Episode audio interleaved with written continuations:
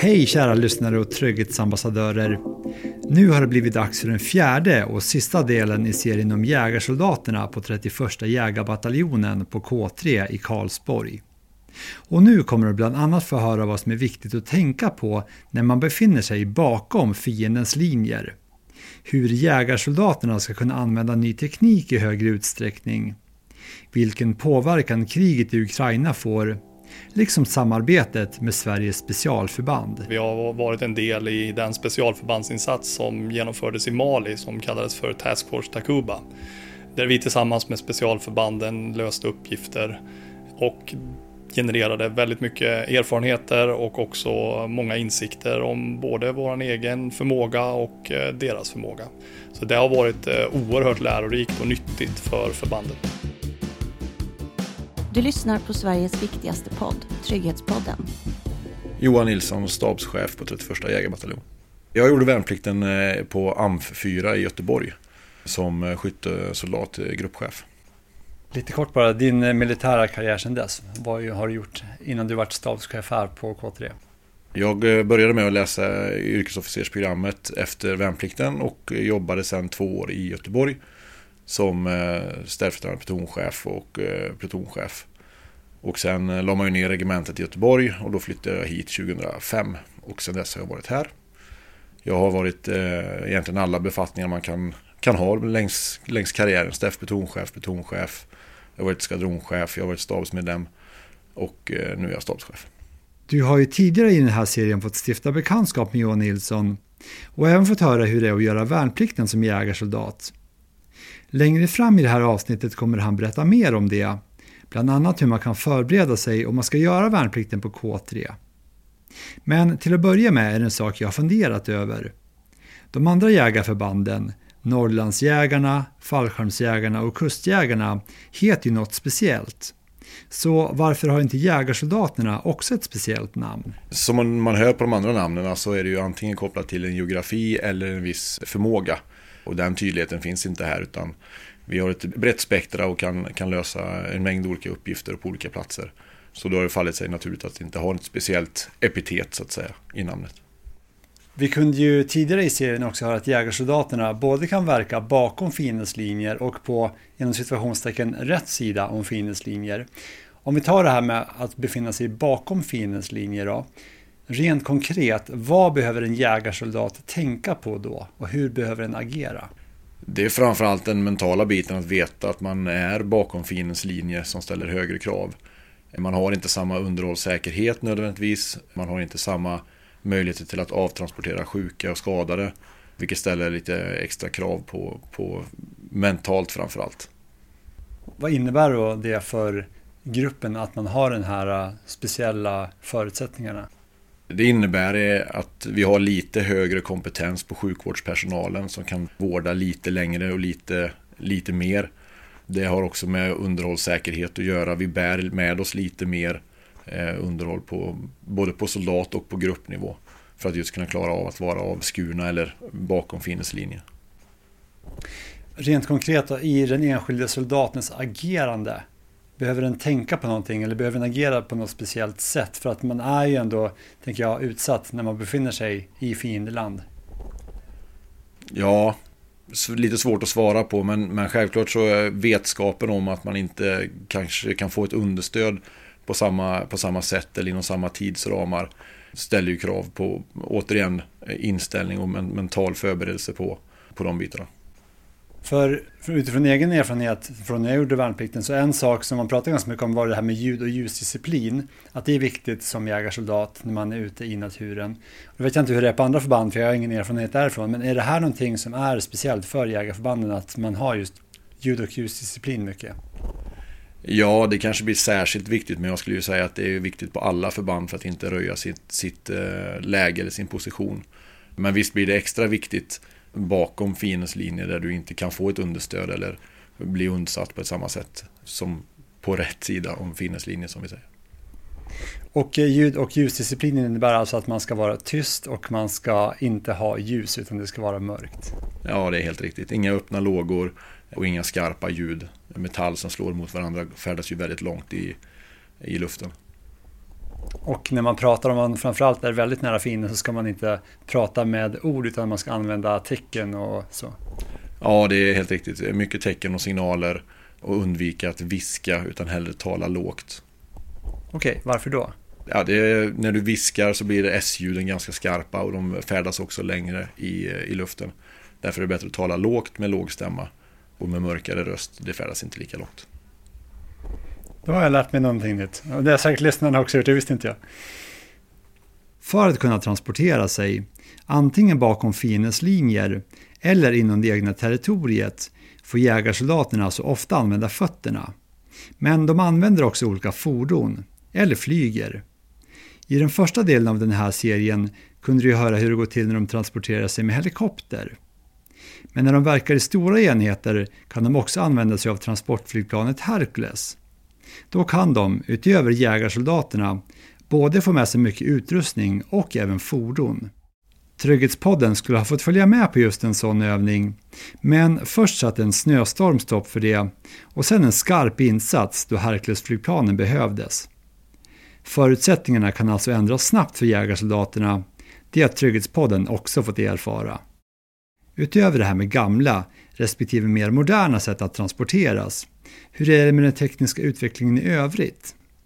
Bataljonschefen Henrik Peters, som också har medverkat tidigare i den här serien, säger så här. Jo, men drönare är ju på allas läppar nu, eh, känns det som, givet omvärldsutvecklingen. Och det, och det finns ju även här på det här förbandet. Och likt många andra förband så tittar vi också på nya system, både mindre och lättare och, och större system som är tyngre och kan bära mer last.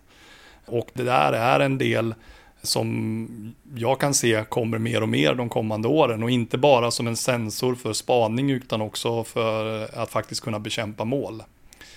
Så det är ett exempel på teknikutvecklingen. Det andra som är väldigt tydligt det är ju de hjälpmedel som finns för att vi ska kunna träffa med våra vapen. Och det är ju alltifrån eh, bildförstärkare som förstärker då bakgrundsljuset på natten så att man kan se när det är mörkt till värmekameror som man kan sätta på vapen som gör att man kan se värme från fordon och, och personal. Eller laseravståndsmätare som gör att man kan mäta ett avstånd som vet hur man ska rikta på målet för att träffa. Så det finns en mängd eh, exempel på olika tekniska hjälpmedel och jag tror bara vi har sett början på det. Det här med tekniska hjälpmedel då utifrån din resa inom Försvarsmakten här. Vilken skillnad kan du se just det här med tekniska hjälpmedel? Hur det har påverkat hur ni kan verka? Jo, men det har påverkat absolut, men, men jag kan väl också tycka att det kanske har hänt lite för lite. Redan på min tid när jag började så fanns det avståndsmätare, dock inte laser. Det fanns eh, första generationen av bildförstärkare och så vidare. Men utvecklingen vi har sett de senaste 20 åren har ju varit väldigt, väldigt snabb. Och, men här uppfattar jag att Försvarsmakten nu försöker kompensera till viss del att vi kanske inte ligger där vi borde i alla stycken. Och jag tror därför att det kommer komma mer och mer teknik även för jägarsoldaten att hantera de kommande åren. För det finns väldigt mycket bra teknik som gör att man når verkan på ett bättre och snabbare sätt. Och då undrar man ju så här, har ni någon önskelista eller någon speciell sak att det här skulle verkligen vara bra för oss? Jo, men det har vi absolut. Och sen om hur mycket teknik det är, men jag skulle säga att det som står högst upp på jägarsoldaternas önskelista just nu, det är en eh, lättare och mer anpassad hjälm. Och det är ganska low tech, men ändå. Ja, det är väldigt analogt med en hjälm. Utöver teknik sker också annan form av utveckling på 31 jägarbataljonen. Bland annat att de har börjat fungera som understöd åt Försvarsmaktens specialförband, som också är stationerade i Karlsborg. Ja, det är ju en relativt ny förmåga som bataljonen ska ha. Och eh, detaljerna avseende hur det där genomförs och så vidare, det omfattas ju av sekretess. Jag kan inte gå in på några detaljer kopplat till det. Men generellt sett kan man väl säga att eh, vi tränar och vi utvecklar förmågor för att kunna fungera tillsammans. Och det är ett begrepp som brukar användas är ju gemensamma operationer. Och det handlar ju om att man ska ha en inneboende förmåga att verka med andra, alldeles oaktat om det är specialförband, flyg eller marin eller för den delen utländska förband. Så vi fokuserar ganska mycket på att kunna verka med andra och tillhandahålla då de förmågor som efterfrågas. För som vi kunde höra i avsnitt 109 av Trygghetspodden när Jesper Bella Berlin som tjänstgjorde 14 år i särskilda operationsgruppen SOG berättade så sa han att det är som landslaget för Försvarsmakten. Och just det här med att vara med de som är väldigt duktiga i sin yrkesroll. För tittar man till exempel jämför med sport så blir man alltid lite extra bra om man spelar mot någon som är extra bra eller kanske spelar med någon som är extra bra. Utan att gå in på liksom detaljer som kanske är hemliga, men rent motivationsmässigt och så. Hur påverkar det här era soldater att kunna då få vara med, om vi säger då landslaget i Försvarsmakten? Jo, men det är precis som du säger. Det är oerhört eh, inspirerande att få jobba tillsammans med eh, de duktigaste soldaterna och officerare som vi har i Sverige. Eh, och det är i alla fall min, min bild av specialförbanden, att de är oerhört professionella. Och det innebär ju också att eh, ganska många soldater och officerare vill ju spela i högsta ligan. Så att vi utgör ju en ganska stor grund för rekryteringen mot specialförbanden. Men, men för organisationen som helhet så är det väldigt inspirerande och också utvecklande. För vi blir ju bättre av att jobba med de bästa. Och då blir ju såklart följdfrågan, för om man vänder på det, är man väldigt duktig så vill man gärna spela med de som är också duktiga. Hur påverkar det här kraven på er? Behöver ni vara extra bra då? Jo, det är väl den resan som eh, 31 jägarbataljon har gjort nu sedan några år tillbaks. Det är en ganska medveten resa där vi försöker att utveckla våran professionalism. Och framförallt kopplat till då den kontinuerligt anställda delen som är den delen som understödjer specialförbanden. Att där måste vi eh, nå en nivå som gör att vi kan verka i det sammanhanget och eh, det är ju en av svaren till varför det inte finns några värnpliktiga på krigsförbandet idag utan det är bara anställda. Det, det tar, förutom en grundutbildning, så tar det ungefär 12 månader att bli fullt ut användbar i förbandet. Och då har man en grundutbildning på ett knappt år med sig sedan tidigare. Så strax under två år för att kunna arbeta och vara tillgänglig för eh, insatsverksamhet. Som du kunde höra i den första delen av den här serien har 31 jägarbataljonen deltagit i flera olika internationella insatser. Under insatsen i Mali, som nyligen avslutades för svensk del, fungerade 31 jägarbataljonen bland annat just som understöd åt specialförbanden. Och utöver det som sker just nu är den insatsen något Henrik Peters gärna vill lyfta fram. Till att börja med så är vi just nu i eh, Storbritannien och hjälper till att utbilda eh, ukrainska soldater inom ramen för det som kallas för Interflex. Och det gör vi tillsammans med andra delar av Försvarsmakten. En annan insats som har varit väldigt viktig för bataljonen de senaste åren, det har varit att vi har varit en del i den specialförbandsinsats som genomfördes i Mali som kallades för Task Force Takuba. Där vi tillsammans med specialförbanden löste uppgifter och genererade väldigt mycket erfarenheter och också många insikter om både vår egen förmåga och eh, deras förmåga. Så det har varit eh, oerhört lärorikt och nyttigt för förbandet. Varför var just den här insatsen då så viktig att du lyfter fram den? För ni har ju som sagt varit med i flera stycken. Jo, för den insatsen sätter ju fingret lite grann på vår förmåga att kunna stödja specialförbanden och vad vi behöver kunna för att vi ska kunna göra det på ett bra sätt.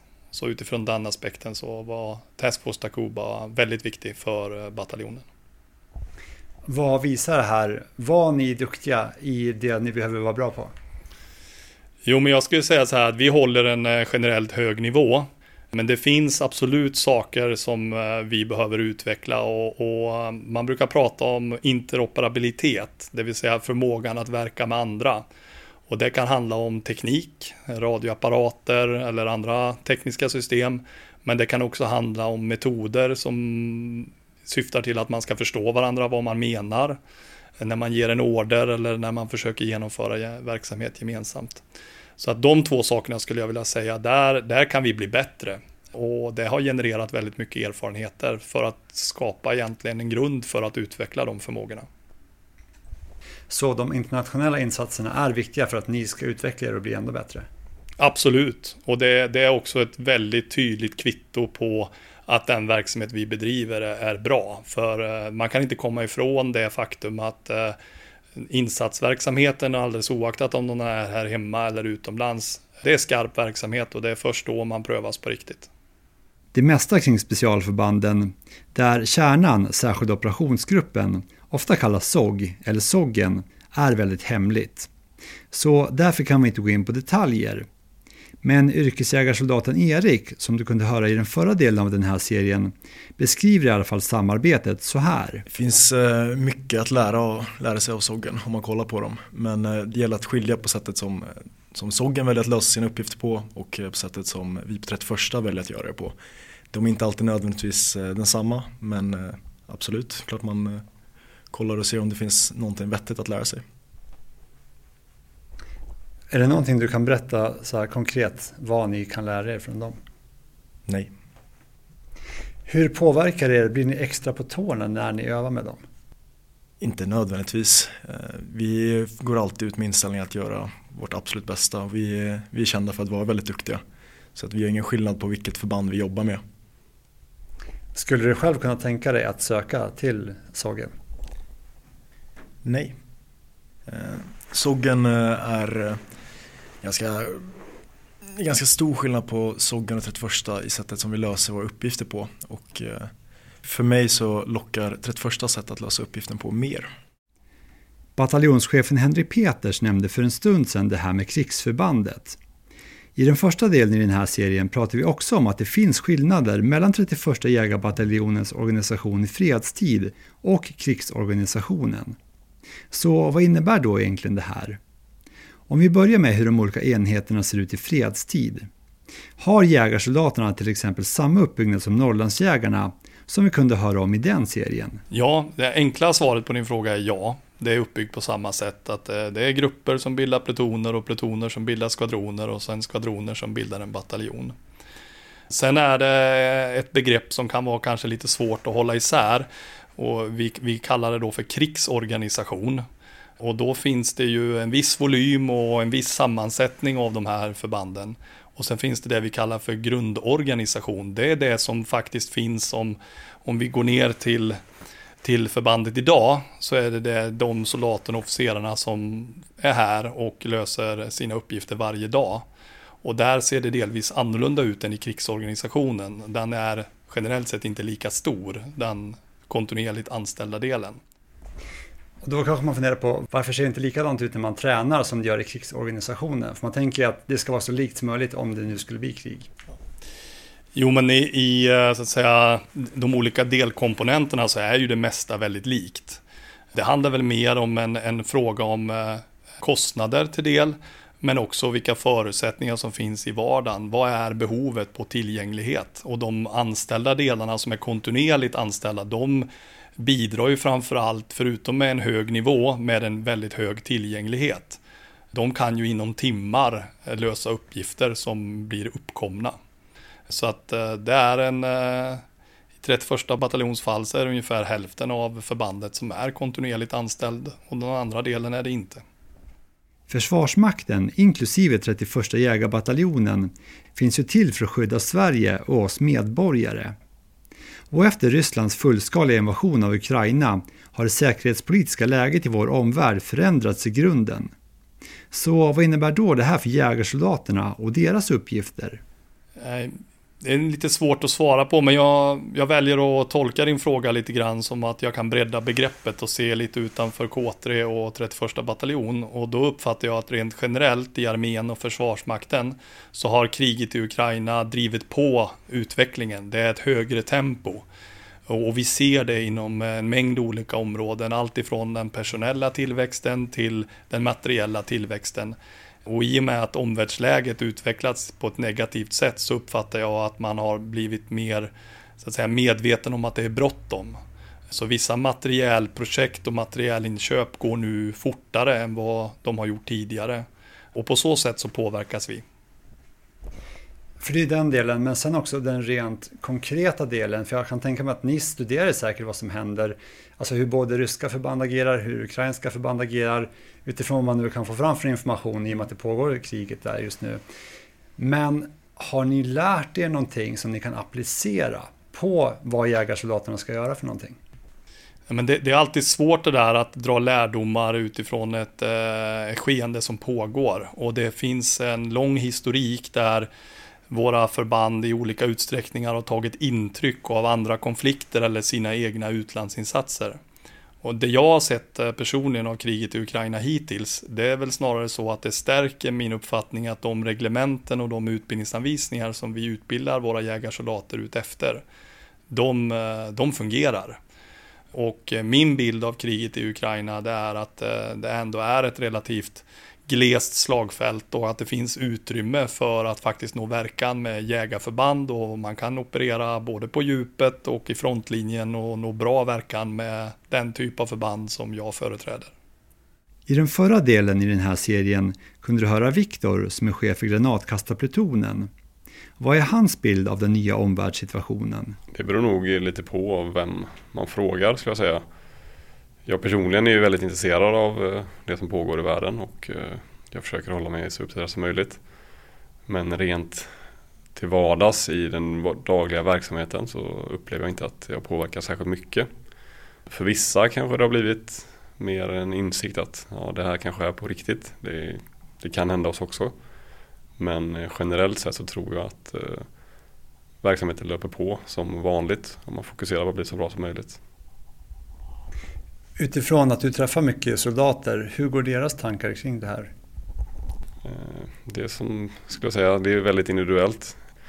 Vi pratar om det ibland och har liksom genomgångar men eh, jag tror att de flesta har ju lyft blicken lite och försöker sätta sig in i situationen.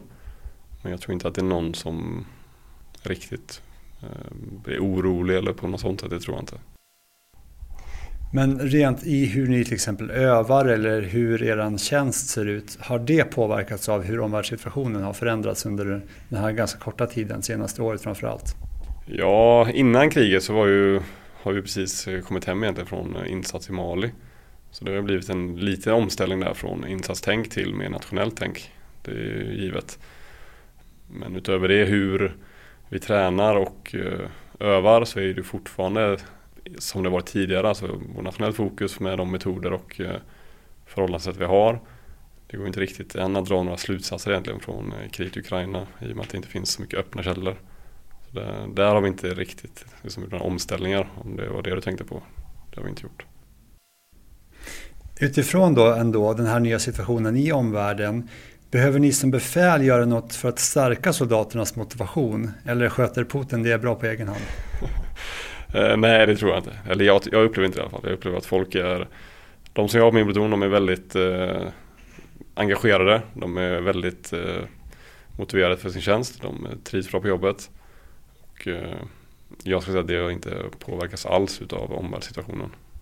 Vad säger då Erik?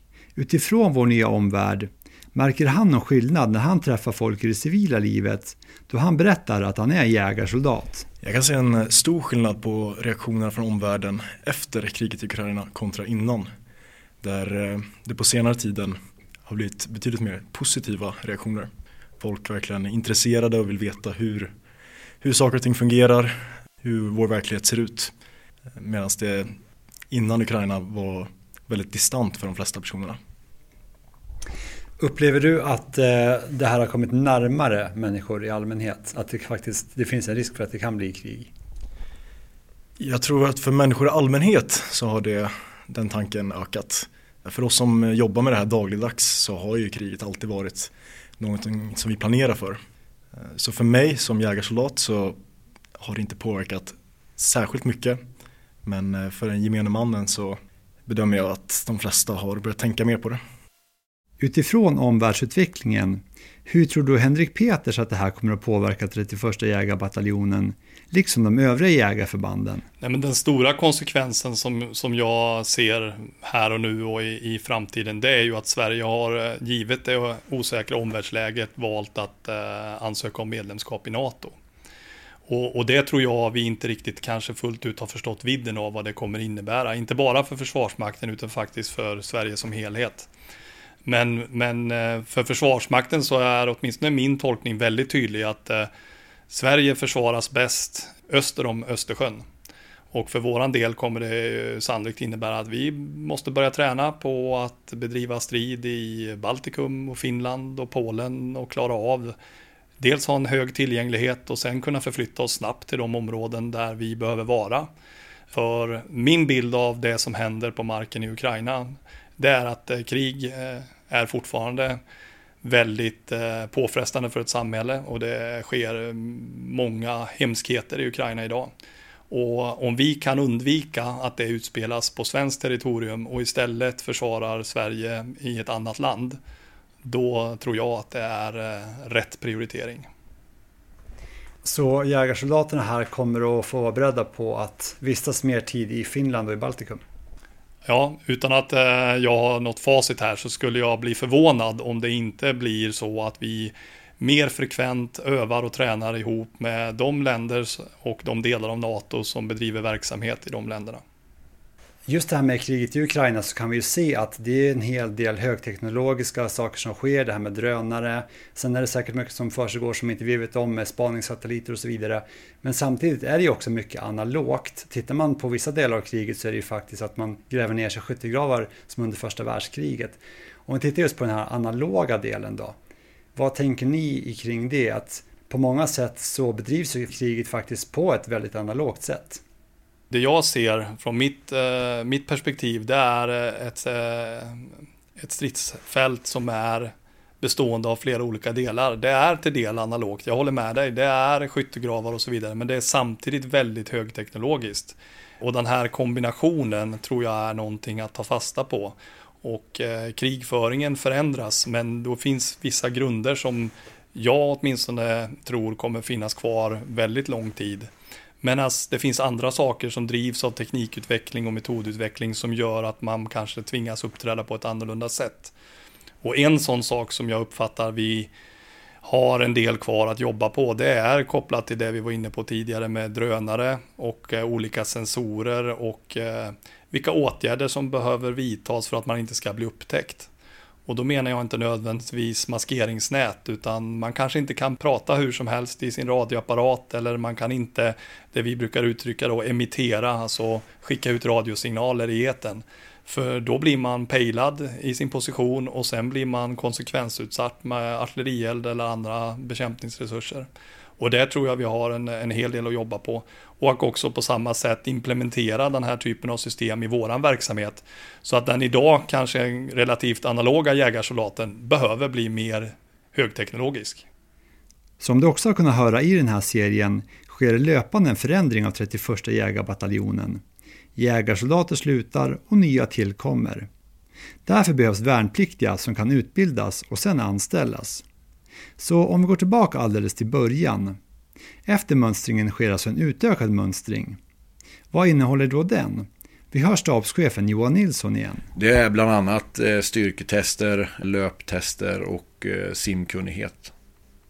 Den som funderar på att söka då till jägarsoldat, är det här någonting man kan i förväg titta upp och träna inför?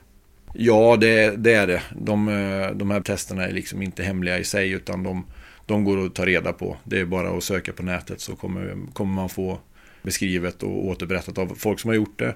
Och eh, man får också information på Plikt och prövningsverket om vad det omfattar. Så att man kan träna inför testerna. Hur lång tid behöver man då på sig för att träna upp sig till att ha den fysiska förmågan för att klara de här testerna? Det är ju självklart väldigt individuellt beroende på vad man har för status sen tidigare. Men om man tränar och är fysiskt aktiv, kanske idrottsman eh, eller kvinna, så så är det egentligen inte särskilt svårt att träna upp sig. Utan tränar man mål, målmedvetet och inriktat mot testerna så är det ett par månaders träningstid och sen så är man uppe på, på rätt nivå så att säga. Och inför själva inrycket då? Hur ska man träna då? Så vilken nivå ska man ligga på rent fysiskt? Ja, det, återigen, det är ju väldigt individuellt. Men på den här utökade mönstringen så får man eh, individuella träningstips och också generella träningstips på vad man ska göra fortsatt fram mot inryck för att ha ett så gott startläge som möjligt. Sen fortsätter ju den här uppbyggnadsfasen när man väl har ryckt in. Så vi bygger ju upp soldaterna fram emot de här prövningarna som kommer under värnplikten sen. Men utöver det här du har sagt, kan man förbereda sig på någonting annat sätt? Och kanske framförallt då mentalt, för vi pratar mest om det fysiska. För att just ställa sig in på vad som komma skall. Den delen tror jag är väldigt svår att förbereda sig på, på egen hand. Det är lättare att göra de åtgärderna för att träna upp sig fysiskt. Men den mentala biten är svår. Där har jag inga konkreta tips på vad man kan göra eller förbereda sig inför värnplikten. Tyvärr. Det är kanske mer att man ska vara förberedd på att det kan komma saker utifrån att man har lyssnat på den här serien så man kan höra att det kan vara krävande, det kan vara jobbigt, det kan vara fysiskt tufft, psykiskt tufft. Ja, det är det man kan göra. Man kan prata med andra, man kan lyssna av med äldre vänner som har gjort värnplikten redan. Man har serien Jägarsoldat, eh, dina poddavsnitt. Så det finns, det finns massa saker man kan naturligtvis läsa eller titta på. Men att göra någonting aktivt själv för att träna upp den här, där har jag inga bra konkreta tips. Och varför ingår det här då i utbildningen? Att det ska vara psykiskt krävande, mentalt krävande? Varför behövs det sen om man tittar på om det kan bli ett skarpt läge? Eh, som, vi, som jag sa tidigare, det bygger ju mot att uppträda bakom fiendens linje. Men krig i allmänhet, mycket osäkerheter. Man vet inte när det tar slut, man vet inte vad som kommer längre fram. Och det är helt enkelt för att träna dem mot, mot krigets krav så att säga. För att ni har ju mycket erfarenhet från utlandstjänster och så. Och eh, kan därför ta de eh, erfarenheterna. Och utifrån det här ni har lärt er då, alltså kan ni stoppa in de här sakerna i värnplikten i grundutbildningen. Det här med att hur kan en riktig krigssituation vara, alltså med riktigt farliga situationer. Och om vi pratar om det, det här med den här psykiska mentala pressen, att man liksom kan på något vis få en föraning om hur det kan vara sen om det skulle bli skarpt läge. Jo, det, det, finns personal vid bataljonen som har erfarenheter från skarpa insatser och, och skarpa stridsinsatser utomlands. Det gör det och de erfarenheterna tas ju med in och implementeras i utbildningen och omsätts till pedagogiska situationer och moment som går mot att öva de här sakerna. Så de erfarenheterna tas naturligtvis om hand och, och implementeras. I dokumentärserien Jägarsoldat som finns på Youtube så får man bland annat följa en tjej som genomför utbildningen och blir jägarsoldat. Så hur stor del av jägarsoldaterna här på K3 är tjejer? Jag har inte aktuella siffror. De är ju i minoritet, så är det. Men på bataljonen idag skulle jag säga mellan tummen och pekfingret att vi ligger runt 10 kvinnliga officerare och eh, soldater. Är det här någonting som ökar, att det blir fler tjejer? Det har ökat med tiden men det ökar ganska långsamt. Vad är styrkorna med att ha tjejer i jägargrupperna? Det är som med all annan eh, mångfald och, och, och bredd, att ju större bredd man får desto mer fördelar kan man ju få ut av det. Det går inte att säga att det finns några specifika fördelar som jag kan komma på nu. Men, men en mångfald är generellt sett bra. Man får olika perspektiv och olika förutsättningar för att lösa vissa uppgifter. Så är det. I en krigssituation så finns ju risken att en jägarsoldat blir tillfångatagen av fienden, i synnerhet då ni verkar bakom fiendens linjer. Och eh, vid tillfångatagande så finns det ju risk för misshandel och tortyr, men för en tjej finns även risken att utsättas för sexuella övergrepp. Hur tänker och agerar ni kring det här när de utbildas? För att ni utbildar för att det ska bli, kunna bli ett skarpt läge. Svårt att säga, jag kan inte säga att vi eh gör något specifikt för att de är kvinnor och värnpliktiga. Det har ju visat sig också att även män blir våldtagna i, i krig. Så jag skulle inte säga att vi gör någon specifik åtgärd för att de just är kvinnor. Utan vi pratar om, om de här sakerna, de här situationerna ur ett bredare perspektiv helt enkelt. Och det här med risken för att bli tillfångatagen då, hur övar ni på det under utbildningen och för alla jägarsoldaterna? Det övas under grundutbildningen och fortsatt med stöd av överlevnadsskolan här vid K3 inom ramen för överlevnadsutbildning som idag omfattar mer än vad den har gjort, eh, gjorde när, när du och jag gjorde värnplikten. Så är, så är det ett bredare koncept idag där bland annat det här med fångtjänst och, och överlevnad och, och flykt är en del av utbildningen. Och det får de ett grundläggande paket, de värnpliktiga. Vad gör ni här på K3 för att locka fler tjejer till att bli jägarsoldater? Det vi gör är att i vår rekrytering eh, är vi är tydliga med att vi inte exkluderar någon ur vår rekrytering, vare sig på grund av kön eller sexuell läggning eller någonting annat. Utan eh, vi är öppna för den breda massan. Vi är intresserade av rätt personer med rätt förutsättningar som klarar av att jobba här, möter kravställningen och därmed bidrar till förbandet. Så vi gör inga aktiva åtgärder för att rekrytera just kvinnor. Försvarsmakten i övrigt har ju sådana riktade insatser. Men på lokal nivå så gör vi, gör vi det inte. Den som har hört det här och funderar på att söka värnplikten som jägarsoldat, vad skulle du vilja säga till den personen? Det är att eh, förbereda sig så bra som möjligt. Göra sitt bästa på Plikt och prövningsverket. Så att man får skattningarna, klarar av de testerna som, som krävs här. Och det är att hela tiden göra sitt, sitt yttersta för att pressa sig själv och prestera sitt bästa. Mycket handlar om inställning. Som jag sa tidigare, fysen går att träna upp. Den andra biten, den eh, får man visa och, och att man har. Men den är svårare att träna upp.